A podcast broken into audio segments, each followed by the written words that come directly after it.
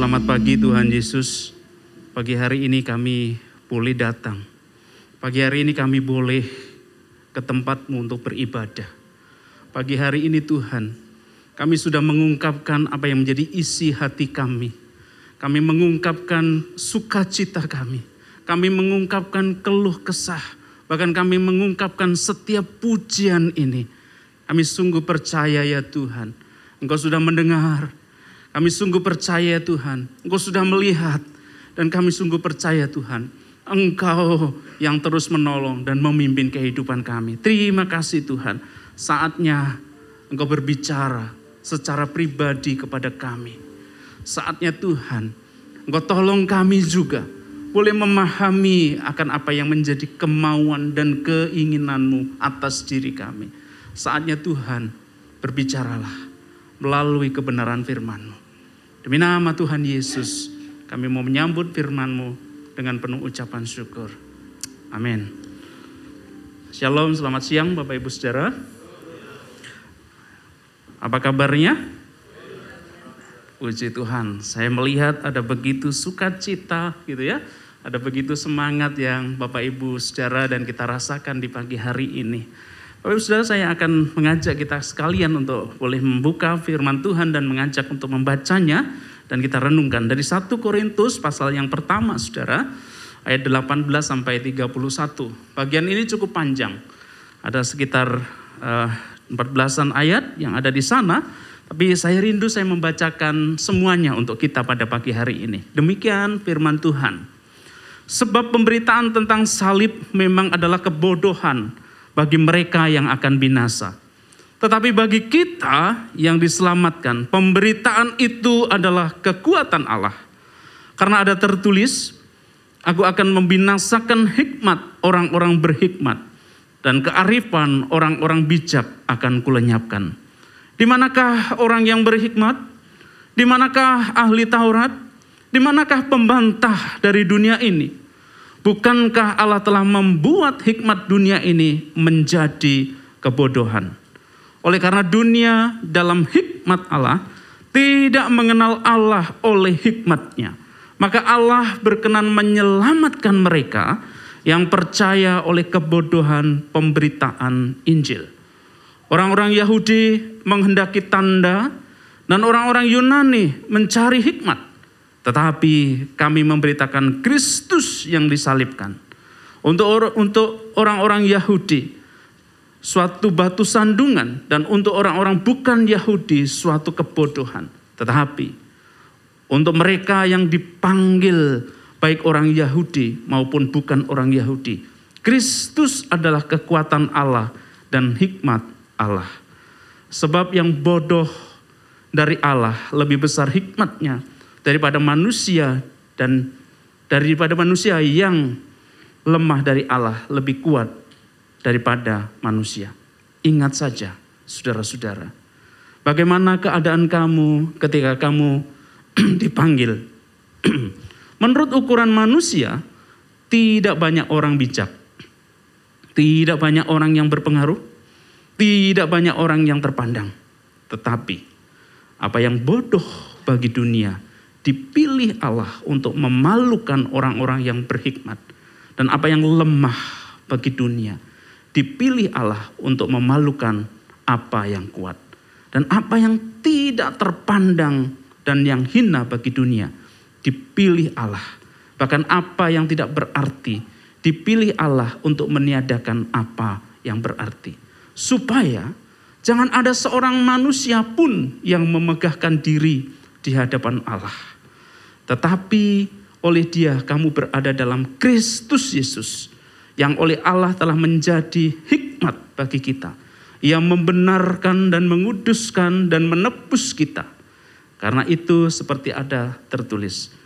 Barang siapa bermegah, hendaklah ia bermegah di dalam Kristus. Demikian panjangnya pembacaan firman Tuhan pada pagi hari ini. Biarlah yang berbahagia kita sekalian yang mendengar, merenungkan dan melakukannya. Saudara-saudaraku yang dikasih oleh Tuhan, saya mengutip sebuah artikel yang ditulis dan kemudian dipublikasi dan mungkin dia ada publikasi yang uh, berantai 5 April 2021. Di dalam tulisan itu diberikan sebuah judul headline dua keputusan paling bodoh sepanjang sejarah. Ini dua keputusan tertinggi yang paling bodoh sepanjang sejarah. Melihat tema itu secara, melihat judul itu, saya cukup kaget. Ternyata memang ada tujuh yang paling bodoh keputusan yang ada di dalam dunia ini yang diambil. Dan saya mengambil dua di antaranya secara. Yang kedua saudara, sudah mungkin kenal ini, melihat ini, ini adalah seorang kaisar, Kaisar Nero. Sudah sekitar tahun 64 Masehi, Sekali lagi tahun sekitar 64 Masehi, Roma ataupun eh, bangsa Roma, Roma mengalami ke, kebakaran yang hebat saat itu. Ini sebagian besar dari kota Roma itu hangus terbakar, saudara. Hangus terbakar dan banyak orang mengalami kerugian. Bukan hanya materi, tetapi harta benda mereka habis. Mereka uh, mengalami kerugian yang juga tidak begitu sedikit setiap orang saat waktu itu. Nah, saudaraku yang dikasih oleh Tuhan, pada akhirnya si Nero, kaisar yang saat itu menjabat di tahun itu, dia berencana untuk merevalitasi, ya, membuat kembali, membangun kembali kota itu. Nah, saudara keinginan itu menjadi keinginan yang disambut senang oleh masyarakat. Karena memang keadaan yang sudah hancur gitu ya keadaan yang hangus terbakar oleh api itu, ada seorang kaisar yang berinisiatif secara untuk membangun kembali. Namun saudaraku yang dikasih oleh Tuhan, ternyata apa yang menjadi rencana itu gagal di tengah jalan. Yang pada realitanya saudara, Nero bukan membangun kembali perumahan ataupun warga yang saat itu mengalami kebakaran, tetapi justru dia berinisiatif untuk membangun istana baru. Dan mereka sebut, mereka namai atau dia namai Domus Aurea. Yang artinya istana emas. Saudara saya melihat uh, apa namanya sketsa dari istana ini begitu besar, begitu megah, begitu luas dan begitu luar biasa. Nah, saudara ceritanya saat dia membangun ini kurang lebih dia membutuhkan puluhan ribu emas untuk membangunnya. Karena apa saudara? Ternyata kolong tinggi di dalam istana itu, ini tampak pendek ya, seperti biasa saja begitu. Tapi kalau dilihat eh, dari aslinya itu enggak seperti itu. Pasti besar sekali. Ada 100 kaki tingginya. Dan itu dibuatnya sebuah kubah besar yang terbuat dari emas. Dan di atas kubah itu saudara dibuat patung Nero yang begitu besar di atasnya. Dan menurut juga artikel itu ada kurang lebih 300 ruangan yang ada di istana itu yang dipakai buat pesta. Dari ruangan yang banyak artinya 300 ruangan. Dan setiap ruangan itu bisa dipakai untuk pesta. Sudah tahu kalau orang-orang zaman itu pesta itu membutuhkan ruangan yang besar, dan itu bisa dilakukan dengan begitu banyak tarian dan seterusnya. Itu ada 300. Sungguh luar biasa, saudara. Nah, yang dikasih oleh Tuhan, tetapi apa yang menjadi keputusan membuat, mengalihkan pembangunan yang sudah terbakar itu menjadi istana, menjadi keputusan yang sangat mahal dibayar. Bukan hanya mahal penyediaan dananya, Bukan yang mahal oleh karena tenaga kerjanya dan bahan-bahan yang lainnya. Tapi ternyata mahal dibayar oleh Nero sendiri. Kenapa saudara? Karena ternyata saudara, keinginan itu membuat Romawi mata uangnya pada akhirnya devaluasi. Mata uangnya jatuh dan mereka sungguh terjun di dalam kemiskinan yang sesungguhnya. Bahkan saudara senat dan seluruh rakyat melawan keputusan dari Nero ini. Oleh karena penolakan yang begitu luar biasa ditolak oleh seluruh warga, senat dan seterusnya, Nero merasa malu dan pada akhirnya dia mati bunuh diri. Saudara, sebuah keputusan yang ia ambil. Kalau kita bilang hari ini, ini menjadi keputusan yang bodoh kedua sepanjang sejarah. Tapi ternyata ada keputusan yang lebih bodoh lagi, saudara. Menurut artikel ini, yang pertama adalah sekitar tahun 247 sampai 221 sebelum Masehi. Saudara mungkin kenal atau tahu dia adalah kaisar pertama Tiongkok bernama Xin Shi Huang. Betul ya? Mudah-mudahan saya tidak salah menyebut namanya gitu ya. Xin Shi Huang. Sudah Xin Shi Huang adalah seorang kaisar yang luar biasa sesungguhnya. Seorang kaisar yang e, begitu pemberani dan seorang kaisar yang bisa menyatukan keenam negara yang saat itu sedang berperang. Hebat nggak saudara?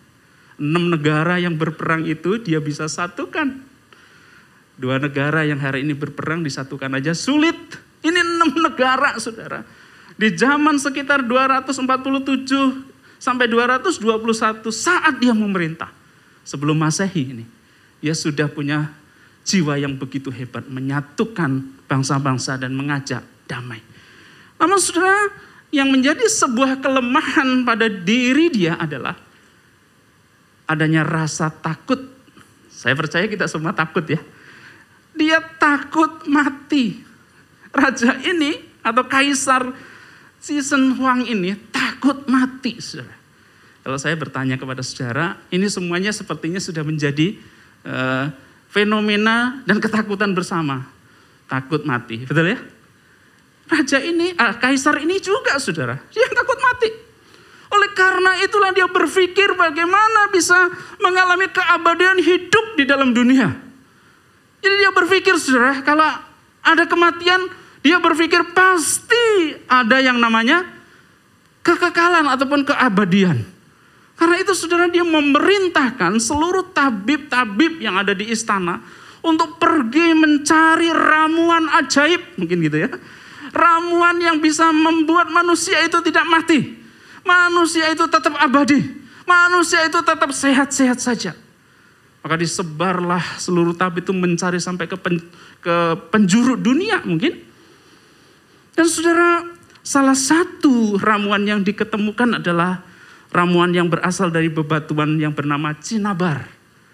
Ya, itu batu merah dan batu merah itu ternyata batu mineral yang dilapisi oleh merkuri dan ternyata saudara, batu yang sangat beracun. Dan biasanya untuk zaman modern itu dipakai membuat pigmen orange, membuat pigmen terang pada mungkin keramik gitu ya, pada mungkin tato ataupun mural lainnya.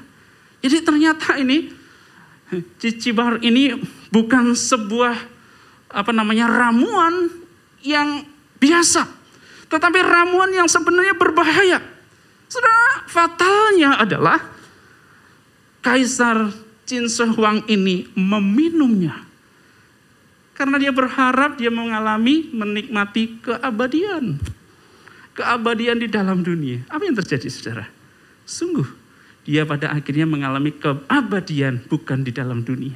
Sungguh saudara, diperkirakan di umur 48, 47 atau 48 tahun kaisar ini sudah meninggal dunia oleh karena ramuan yang diketemukan yang dia klaim sebagai ramuan keabadian. Saudara, dua kisah ini menggambarkan sebuah kisah yang atau mengambil keputusan dengan keputusan yang bodoh. Mengambil keputusan, membuat keputusan memakai hikmatnya manusia. Sudah barang tentu dia tidak memakai hikmatnya Allah. Saudara, apa yang dimaksud dengan hikmat manusia? Ataupun apa yang dimaksud dengan hikmat Allah? Minggu lalu saudara kita sudah dijelaskan sebuah tema mengejar hikmat. Dijelaskan apa itu hikmat yang sesungguhnya dan seterusnya. Tapi bagian di dalam 1 Korintus pasal 1 ayat 18 sampai 31. Ini memberitahukan kepada kita. Sesungguhnya saudara, sumber hikmat itu hanyalah Allah saja. Sumber hikmat manusia, sumber hikmat Allah hanya ada di dalam Allah saja. Hikmat yang ada di dalam dunia ini pun bersumber kepada Allah. Hikmat apa pun yang terjadi sepanjang sejarah kehidupan manusia, semua bersumber kepada Tuhan. Namun yang menjadi beda saudara, bagaimana hikmat itu didapatkannya. Namun yang menjadi masalahnya saudara, kita tidak memahami seperti apa seharusnya hikmat itu ada di dalam diri kita. Di dalam bagian yang dibacakan tadi, saudaraku, sungguh ini akan menolong kepada kita. Seorang yang memiliki hikmat, secara khusus hikmat Allah, maka tentunya saudara, dia akan memiliki kedekatan relasi dengan Allah. Sekali lagi, seorang yang memiliki hikmat-hikmat Allah yang membedakan dengan hikmat yang lain, maka sesungguhnya seorang itu memiliki kedekatan relasi dengan Allah. Dan itulah yang membedakan pada akhirnya. Di posisi apa kita memiliki hikmat? Hikmat Allahkah yang kita punyai? Atau hikmat manusiakah yang kita punyai? Surah hikmat Allah itu menyatakan sebuah hikmat, sebuah kepintaran, sebuah tindakan, sebuah keputusan yang sejalan dengan ketetapan Allah. Hikmat Allah itu menyatakan sebuah perlakuan ataupun kelakuan yang dilakukan untuk membawa kemuliaan Allah. Hikmat Allah itu adalah hikmat yang kemudian seseorang itu memandang kehidupannya, memandang keluarganya, memandang pekerjaannya, memandang yang dilakukannya berdasarkan perspektifnya Allah. Ini yang dimaksud dengan hikmat Allah. Tentunya akan berbeda apa yang dimaksud dengan hikmat manusia. Hikmat manusia adalah semua kepintaran, semua kecerdasan, semua tindakan itu dipakai untuk kemuliaan sendiri. Hikmat manusia itu semuanya dipakai untuk keuntungannya sendiri bahkan bergantung kepada diri sendiri. Jadi kalau semua yang dikerjakan, semua yang dilakukan, semua itu yang kita lakukan untuk diri sendiri, artinya kita berjalan di dalam hikmat manusia. Nah, saudaraku yang dikasih oleh Tuhan, inilah yang menjadi pembeda antara hikmat Allah dengan hikmat manusia. Saudaraku, pada akhirnya kalau kita perhatikan di dalam kisah tadi yang ada di dalam satu Korintus. Kita melihat memang bahwa pemberitaan tentang salib itu menjadi sebuah hal yang tidak masuk akal. Membuat satu hal sebagai kebodohan. Membuat sebuah hal yang menjadi batu sandungan kepada orang yang ada di sekitarnya. Mengapa saudara? Bagi orang Yahudi, salib itu adalah batu sandungan. Mengapa salib itu menjadi batu sandungan bagi orang Yahudi? Karena saudara ternyata orang Yahudi itu selalu berpikir bahwa sesuatu itu harus ada tandanya. Harus ada buktinya. Kalau itu salib itu merupakan bukti ataupun tanda. Tanda seperti apa? Karena dia merasa dari tanda itu, dari salib itu tidak merasakan sebuah mujizat yang yang terjadi di dalam hidupnya. Jadi orang-orang Yahudi itu menuntut sebuah mujizat. Orang Yahudi itu menuntut agar ke, e, kebutuhannya itu selalu terpenuhi, saudara. Dengan kata lain, orang-orang Yahudi itu menuntut hidupnya itu selalu mengalami keberkahan dan berhasil. Sukses. Orang Yahudi berpikir yang sedemikian itu, saudara. Karena itu ketika melihat salib, itu bukan menjadi sebuah hal yang istimewa. Melihat salib, Paulus mengabarkan tentang salib Kristus, itu menjadi sebuah batu sandungan. Karena bagi orang Yahudi itu tidak membuktikan apa-apa. Sebab dia anggap saudara salib itu sebuah skandal moral yang sedang terjadi saat itu. Mengapa itu skandal moral saudara? Karena saliblah yang pada akhirnya diterima oleh Yesus. Saat dia menyatakan bahwa dirinya itu anak Allah. Dianggap pernyataan itu menjadi sebuah penistaan terhadap agama yang terjadi saat itu. Makanya kemudian Yesus disalibkan. Salib yang sedemikian itu mana mungkin menjadi sebuah bukti bahwa dia itu orang yang luar biasa. Salib yang seperti itu mana mungkin menjadi sebuah bukti bahwa yang sesungguhnya itu yang harus dimuliakan. Bagi orang Yahudi, dia menutup rapat-rapat pemahaman bahwa salib itu adalah sebuah kemuliaan. Karena Yesus sesungguhnya tidak membuktikan diri sebagai Tuhan. Yesus di dalam konsep orang Yahudi, Tuhan itu adalah seharusnya Tuhan yang kuat, saudara. Tuhan yang luar biasa. Tuhan yang bisa menunjukkan berkat mujizatnya. Tetapi buktinya, dia sendiri tidak bisa turun dari salib itu. Mana mungkin Tuhan yang seperti itu adalah Tuhan yang berkemenangan. Tidak ada bukti bahwa dia hebat dan luar biasa. Bahkan maha kuasa. Mana buktinya? Orang Yahudi berpikir sedemikian itu. Karena sekali lagi, dia nggak merasakan. Dan bukti itu dilihat secara lahiriah. Membuktikan kalau pada akhirnya menjadi atau percaya pada salib. Segala yang diinginkan itu harus berhasil. Kalau dia mengalami sakit penyakit, harus ada kesembuhan. Harus ada pemulihan. Kalau mereka mengalami perekonomian yang sedang turun, kalau percaya kepada Tuhan, orang Yahudi memastikan bahwa dia pasti akan kemudian berkelimpahan. Ini pemikiran orang Yahudi saat itu, saudara. Lain berbeda dengan pemikiran orang Yunani, saudara. Orang Yunani itu menganggap salib dan pemberitaan salib itu sebagai sebuah kebodohan. Saudara, orang Yunani itu mengejar, orang Yunani itu mengharapkan akan ilmu, mengharapkan akan kemajuan ilmu dan kepintaran, kecerdasan yang semua hal dinilai dengan logikanya. Semua hal itu diharapkan dipikirkan berdasarkan logikanya, berdasarkan pemikirannya. Gak masuk akal. Kalau seorang Tuhan atau Tuhan itu bisa disalibkan. Itu gak masuk akal bagi orang Yunani. Gak masuk akal. Tuhan itu bisa mati. Dan yang gak masuk akal lagi adalah Tuhan kok menjadi manusia. Bagi orang Yunani itu menjadi sebuah pergumulan dan kemudian dia nyatakan itu adalah sebuah kebodohan kalau kita memberitakan salib.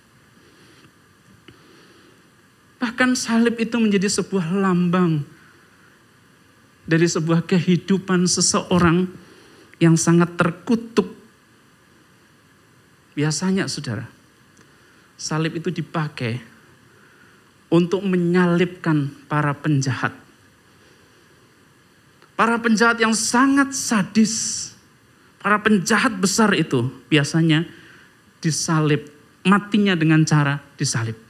Dan itu bentuk penghukuman yang sungguh saudara, itu bentuk penghukuman terkutuk. Jadi orang yang disalib itu diklaim dilabelkan terkutuk.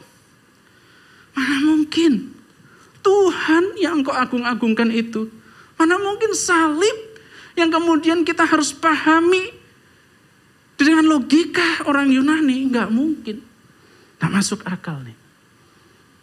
Salib bagi mereka adalah sebuah kebodohan.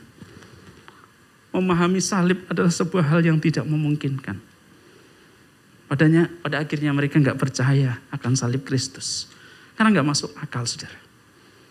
Itu hanya bualan saja. Itu hanya omong kosong saja. Orang Yunani, sungguh dia tidak bisa memahami salib itu sebagai hal yang mulia.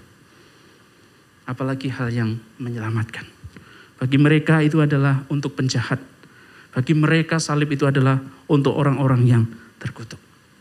Namun saudara, bagi kita bagaimana mengenai salib ini? Yang dianggap kebodohan, yang dianggap batu sandungan buat manusia yang akan binasa. Tetapi bagi kita, salib itu justru menyelamatkan manusia. Amin. Menyelamatkan saya dan saudara. Justru dengan salib itulah menyelamatkan kita semua yang percaya kepadanya. Orang Yahudi, orang Yunani memahami salib bukan seperti ini. Mereka sekali lagi itu adalah kebodohan, itu adalah batu sandungan. Enggak menyelamatkan salib itu. Biarlah pagi hari ini kita diteguhkan.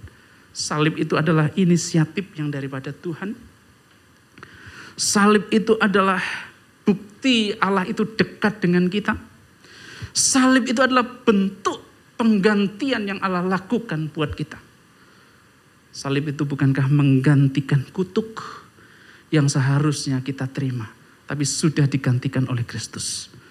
Salib itu bukankah juga menghatikan penghukuman dari kita sekalian seorang penjahat-penjahat besar. Yang kemudian dengan salib itu semua pelanggaran dan kejahatan kita ditanggungnya. Salib itu bukankah juga menggantikan skandal kehidupan kita yang tidak Tuhan berkenan. Ada banyak skandal sesungguhnya di dalam kehidupan kita. Tapi dengan salib Kristus digantikanlah semua skandal dan dosa-dosa kita ini. Ini saudara, salib adalah sebuah hal yang sangat istimewa. Pemberitaan tentang salib ini adalah pemberitaan yang menyelamatkan. Namun bagi orang-orang yang memakai hikmat manusia, pemberitaan salib itu adalah sebuah kebodohan, sebuah batu sandungan. Saudara yang dikasih oleh Tuhan, apa yang kita bisa renungkan dari pemberitaan tentang salib? Dari pemberitaan seorang yang berhikmat, memakai hikmat Allah dan memakai hikmat manusia. Yang pertama saudara saya ingin bersama-sama kita renungkan.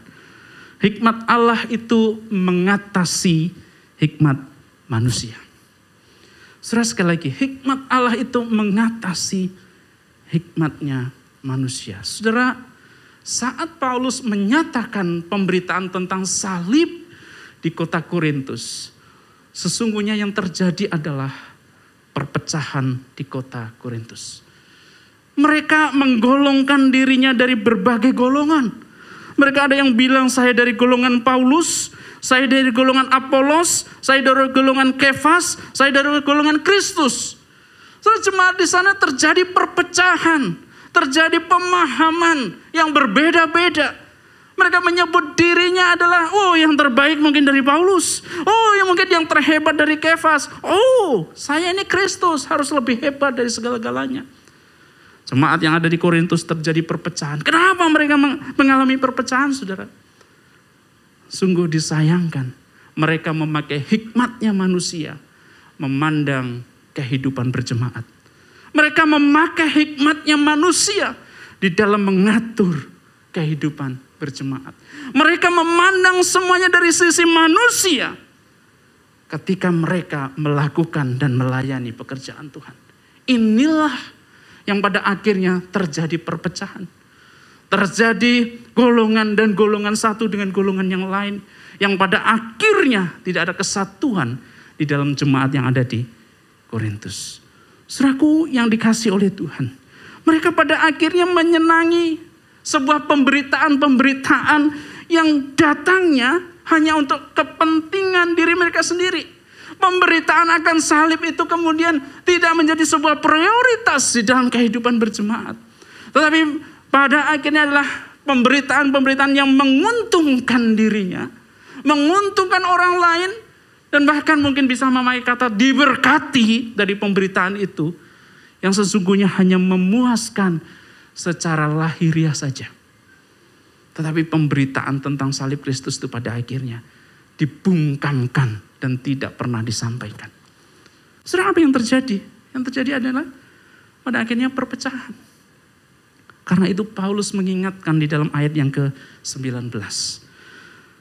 Aku akan membinasakan hikmat orang-orang yang berhikmat dan kearifan orang-orang bijak akan kulenyapkan. Dan inilah hikmatnya manusia. Orang-orang yang ada di eh, Korintus saat itu adalah Banyak atau banyak orang Yahudi yang memiliki hikmat. Banyak orang-orang Yahudi yang memiliki kearifan. Tapi ternyata saudara, hikmatnya manusia itu justru memecah belah kehidupan berjemaat. Inilah yang Paulus katakan. Hikmat manusia itu adalah hikmat yang sangat-sangat rentan untuk kepentingan diri sendiri, untuk memuliakan diri sendiri, dan mencapai melakukannya untuk diri sendiri. Paulus sangat tegaskan, karena nyala Paulus ingin hikmat Allah itulah yang pada akhirnya menguasai dan hidup pada semua orang. Hikmat yang daripada Allah itu yang harus menjadi tuntunan di dalam kehidupan kita. Sebab hikmat yang daripada Allah lah yang pada akhirnya terus dan menerus menuntun seluruh kehidupan kita. Sungguh saudara memang hikmat Allah itu bukan hanya mengenai pengetahuannya yang sempurna, melainkan juga termasuk rencananya yang sempurna. Lalu di dalam hal ini orang dunia mencoba memahami dengan hikmatnya. Orang dunia memahami dengan caranya. Memahami, menghitungkan, memikirkan dengan caranya. Tapi pemberitaan mengenai salib itu pada akhirnya tidak mampu menjadikan orang yang berhikmat itu bisa memahami dengan jelas. Kenapa saudara? Sekali lagi mereka berpikir dengan caranya manusia. Bukan berpikir dengan caranya Allah. Bukan berpikir dari sudut pandang Allah. Mereka melihat semuanya itu adalah sungguh kenaifan, ketidakmungkinan. Jadi pada akhirnya saudara kita diingatkan bahwa hikmat yang manusia punyai hari ini, Bapak Ibu Saudara dan kita punyai hari ini adalah hikmat yang seharusnya dikuasai oleh Allah. Yang seharusnya di dalam penguasaan oleh Allah.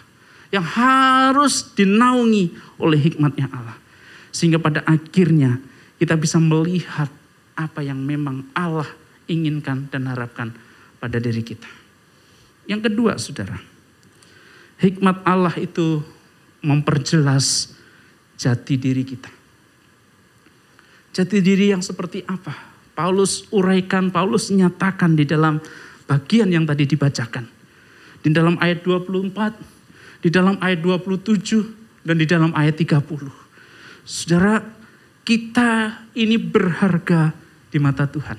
Sekali lagi, kita ini adalah orang-orang yang berharga di mata Tuhan. Mengapa kita berharga di mata Tuhan? Karena kita dipilih. Karena kita dibenarkan. Karena kita dikuduskan. Dan karena kita ditebus. Di dalam ayat 30 menyatakan sebuah pernyataan yang begitu kuat dan luar biasa. Akhirnya saudara yang perlu kita ingat. Bahwa panggilan Allah atas hidup kita sebagai orang percaya. Itu bukan berdasarkan kecakapan kita bukan berdasarkan perencanaan kita. Bukan juga berdasarkan keputusan kita. Saudara, ketika kita atau ketika kita dipanggil, itu hanya berdasarkan karunia daripada Tuhan. Menurut ukuran manusia, saudara, kita ini nggak banyak yang bijak. Menurut ukuran manusia, saudara, sesungguhnya kita nggak banyak yang terpengaruh atau berpengaruh menurut ukuran manusia, saudara. Kita ini orang yang gak terpandang sesungguhnya. Menurut ukuran manusia saja, kita ini sudah di bawah. Menurut ukuran manusia saja, kita sesungguhnya tidak memiliki level apa-apa. Bagaimana mungkin yang sedemikian itu Allah pilih? Bagaimana yang sedemikian itu Allah tebus? Bagaimana yang sedemikian itu Allah benarkan? Saudara, itulah kehidupan kita hari ini sebagai orang percaya. Bukankah dengan yang demikian itu menyadarkan sungguh siapa diri kita sesungguhnya? Kita ini sesungguhnya yang pada akhirnya orang yang Tuhan pilih loh. Tanpa kita melakukan apa-apa Allah memilih kita. Saya senang enggak dengan seperti ini? Saya percaya. Ini sebuah anugerah yang luar biasa kita bisa dipilih oleh Allah. Saudaraku yang dikasih oleh Tuhan. tanpa hikmatnya Tuhan, kita nggak akan mungkin bisa menyadari hal ini. Dan saat kita menyadari hal ini, berarti kita berada di dalam penguasaan hikmat Tuhan. Tapi ketika kita belum menyadarinya, mari saudara, mari kita ingat. Kita ini perlu untuk dibenarkan. Kita ini perlu untuk dikuduskan. Dan kita ini perlu untuk ditebus. Ini adalah sebuah pernyataan yang harus sungguh-sungguh kita sadari. Saudara kita perlu dibenarkan dan melalui hikmat Allah, melalui Kristuslah kita bisa dibenarkan. Dibenarkan dengan cuma-cuma ketika kita terima di dalam iman kita. Ia yang memikul dosa-dosa kita sehingga kita dapat menerima pembenaran itu. Kita juga kemudian dikuduskan melalui penyalipannya itu. Nah, dikuduskan ini memiliki dua istilah, dua pengertian. Yang pertama kita dikuduskan menjadi orang-orang percaya, dipanggil menjadi orang percaya. Kita juga dikuduskan, artinya dibasuh, dibersihkan dari segala macam dosa dan kesalahan kita. Dan kita juga ditebus oleh salib Kristus itu. Ditebus ini mengingatkan, menggambarkan kita ini seperti budak yang sudah dibeli oleh seorang tuan dan kita harus bekerja seumur hidup kita di tempat itu. Tetapi dengan kematian, dengan salib Kristus itu, kita dibebaskan dari perbudakan itu. Dan itu hanya dan bisa dilakukan oleh Kristus. Kita sudah dibebaskan, kita sudah ditebus. Maka pada akhirnya hikmat yang sedemikian itu mengarahkan dan memperjelas diri kita. Siapa diri kita di hadapan Tuhan? Bukankah kita ini adalah seorang yang selalu butuh Tuhan? Sekali lagi, seorang yang selalu butuh Tuhan. Kebutuhan utama kita ini Tuhan. Dengan hikmat manusia kita tidak akan mungkin bisa terbawa, kita butuh Tuhan. Tapi dengan hikmat Allah itu akan menyadarkan diri kita, kita butuh Tuhan. Saudara, seorang motivator Nick Fujicik dia berkata sedemikian. Aku butuh Tuhan lebih dari tanganku dan kakiku. Aku butuh kedamaian memang. Aku butuh pengampunan memang. Aku butuh tujuan hidup. Tetapi yang lebih utama aku butuhkan adalah Tuhan. Seorang yang memiliki hikmat Tuhan, maka dia akan mampu bahkan memiliki, memiliki statement, aku hanya butuh Tuhan. Yang lainnya aku nggak perlu, aku hanya butuh Tuhan. Bagaimana dengan kita hari ini saudara? Hikmat Allah akan membawa kita untuk kita lebih mementingkan dan membutuhkan Tuhan di dalam keseharian kita. Yang ketiga saudara yang kita renungkan. Hikmat Allah itu mengubah cara pandang kita. Mengubah cara pandang di dalam hidup kita. Ayat 25 sampai 26 dan ayat 31. Menggambarkan bagaimana seorang yang memiliki hikmat Tuhan itu seharusnya memiliki dan melakukannya bukan untuk kepentingan diri sendiri seperti ayat 30. Tetapi seharusnya seperti ayat 31 dikatakan. Barang siapa bermegah, hendaklah ia bermegah di dalam Kristus. Sudah kata bermegah ini memiliki kesamaan arti dengan kata berbangga. Dalam bahasa Yunani kata bermegah sama dengan kata berbangga. Nah saudaraku yang dikasih oleh Tuhan dari konteks orang Yahudi, orang Yahudi itu memiliki sebuah kebanggaan di dalam dirinya. Kenapa saudara? Selain sebutan Yahudi itu sendiri, dia memiliki kebanggaan bahwa diri mereka adalah orang yang dipilih oleh Tuhan. Bahwa diri mereka dipercayakan Taurat oleh Tuhan dibandingkan dengan bangsa-bangsa lain. Diberi mereka dipilih oleh Tuhan. Kenapa saudara? Pada saat mereka ada dalam pembuangan di Mesir, Mereka kemudian dipanggil, dibawa keluar dari Mesir dan menuju tanah perjanjian di Kanaan. Dan di dalam perjalanan hidup mereka, hanya bangsa Israel, orang Yahudi lah yang diberikan Taurat. Jadi saudara, bangsa Yahudi itu memegahkan dirinya, memegahkan statusnya, memegahkan segala yang ia miliki, yang notabene yang ada di dalam dunia itu sebagai kebanggaan. Dia menjadi seorang Yahudi itu menjadi seorang yang bisa membanggakan dirinya dari orang-orang lain. Karena memang sebuah klaim tadi bahwa dia adalah orang yang dipilih oleh Tuhan untuk diselamatkan, saudara. Orang yang dipilih oleh Tuhan memiliki Taurat dibandingkan bangsa-bangsa lain yang tidak memiliki Taurat. Dan Tuhan sendiri yang memelihara hidup mereka. Itu sebuah kebanggaan yang luar biasa. Bisa dibayangkan saudara, ini adalah kebanggaan yang hakiki Kebanggaan yang luar biasa. Namun saudaraku yang dikasih oleh Tuhan, ternyata orang Yahudi itu memiliki kesalahpahaman juga di dalam pemahamannya. Karena apa saudara? Bukan orang yang dipilih oleh Tuhan itu kemudian membiarkan dirinya begitu saja.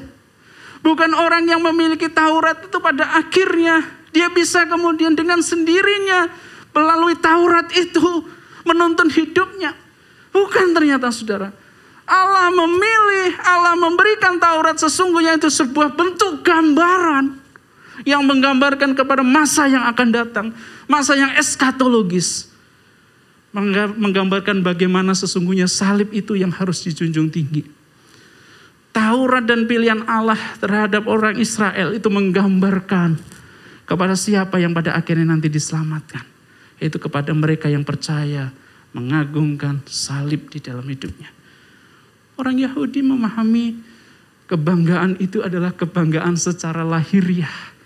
Mereka dilahirkan sebagai bangsa Yahudi. Mereka dilahirkan mengklaim diri sebagai orang pilihan Allah. Dan mereka memahami Taurat itu menjadi sesuatu yang penting. Memang saudara penting. Tapi dia hanya bersandar berserah kepada Taurat. Bukankah dalam pemaknaan rohani. Keselamatan itu hanya didapatkan dalam Kristus. Karena itu saudara, Paulus sekali lagi menegur kepada jemaat yang ada di Korintus.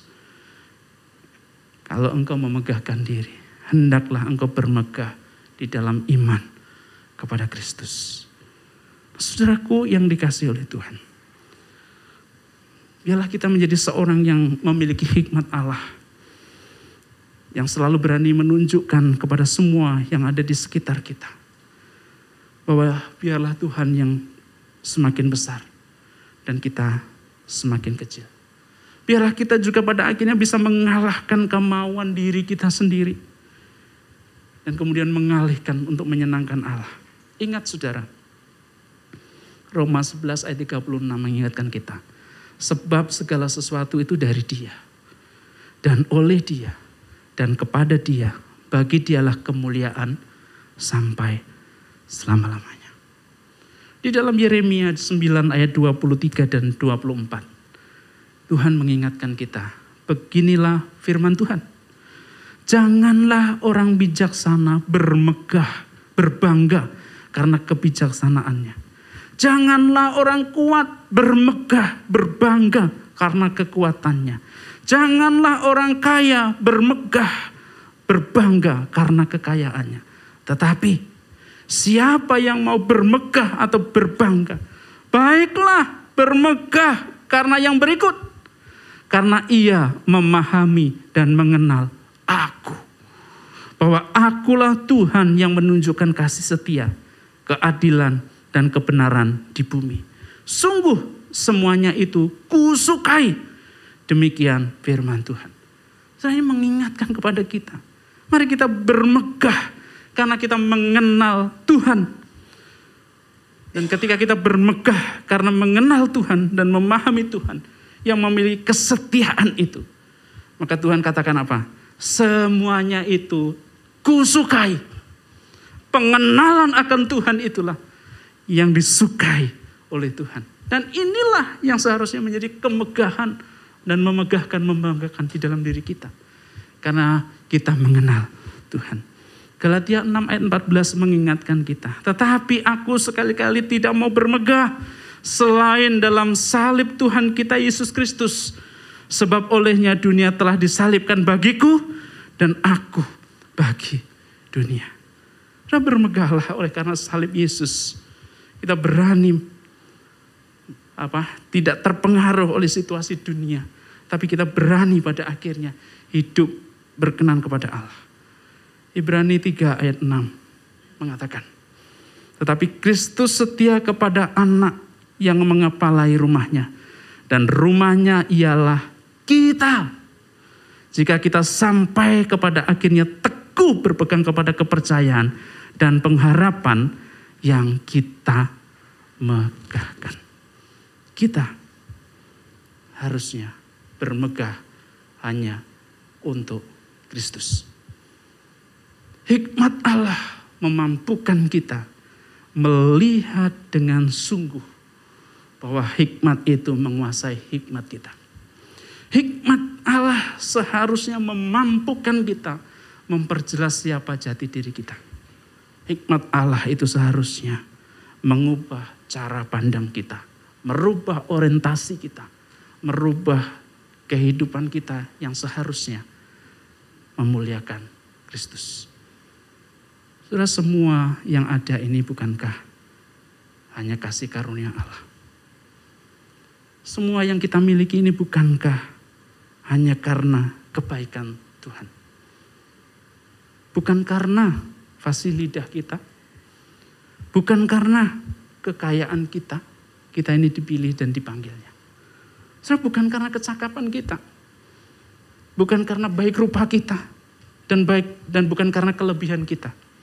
Kita dipanggil dan dipakai. Tapi semuanya itu oleh karena anugerah Allah. Salib Kristus menyatakan hikmat Allah yang memampukan kita menerima bahwa semua itu Allah anugerah Allah. Mari saudara saya mengajak kita meresponnya dengan menyanyikan pujian ini. Bukan karena kebaikanmu ya Tuhan. Bukan karena fasilidahku atau fasilidahmu. Bukan karena kekayaanku. Aku ada dan dipilihnya. Bukan karena kebaikanmu bukan karena fasilitasmu, bukan karena kekayaanmu, ku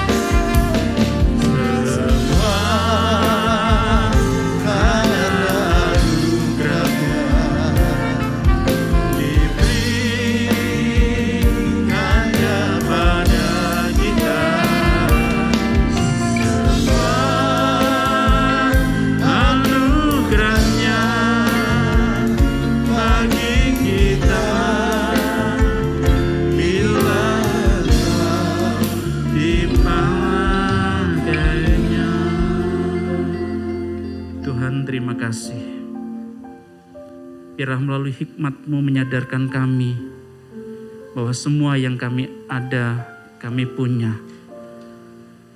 Kebaikan kami, fasilitas, kekayaan, kecakapan, baik rupa dan kelebihan kami, tidak menjadikan kami engkau panggil Tuhan. Tapi itu semua oleh karena anugerah yang Tuhan nyatakan bagi kami.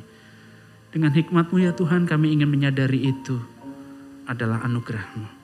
Meterikan kebenaran ini dan ingatkan terus hidup kami untuk terus berjalan di dalam hikmat Tuhan. Bukan untuk menyenangkan diri kami, berfokus pada diri kami, tapi melihat semuanya untuk kemuliaan dan untuk Tuhan saja. Terima kasih. Demi nama Tuhan Yesus Kristus, kami mengucap syukur, kami berdoa. Amin. Tuhan berkati.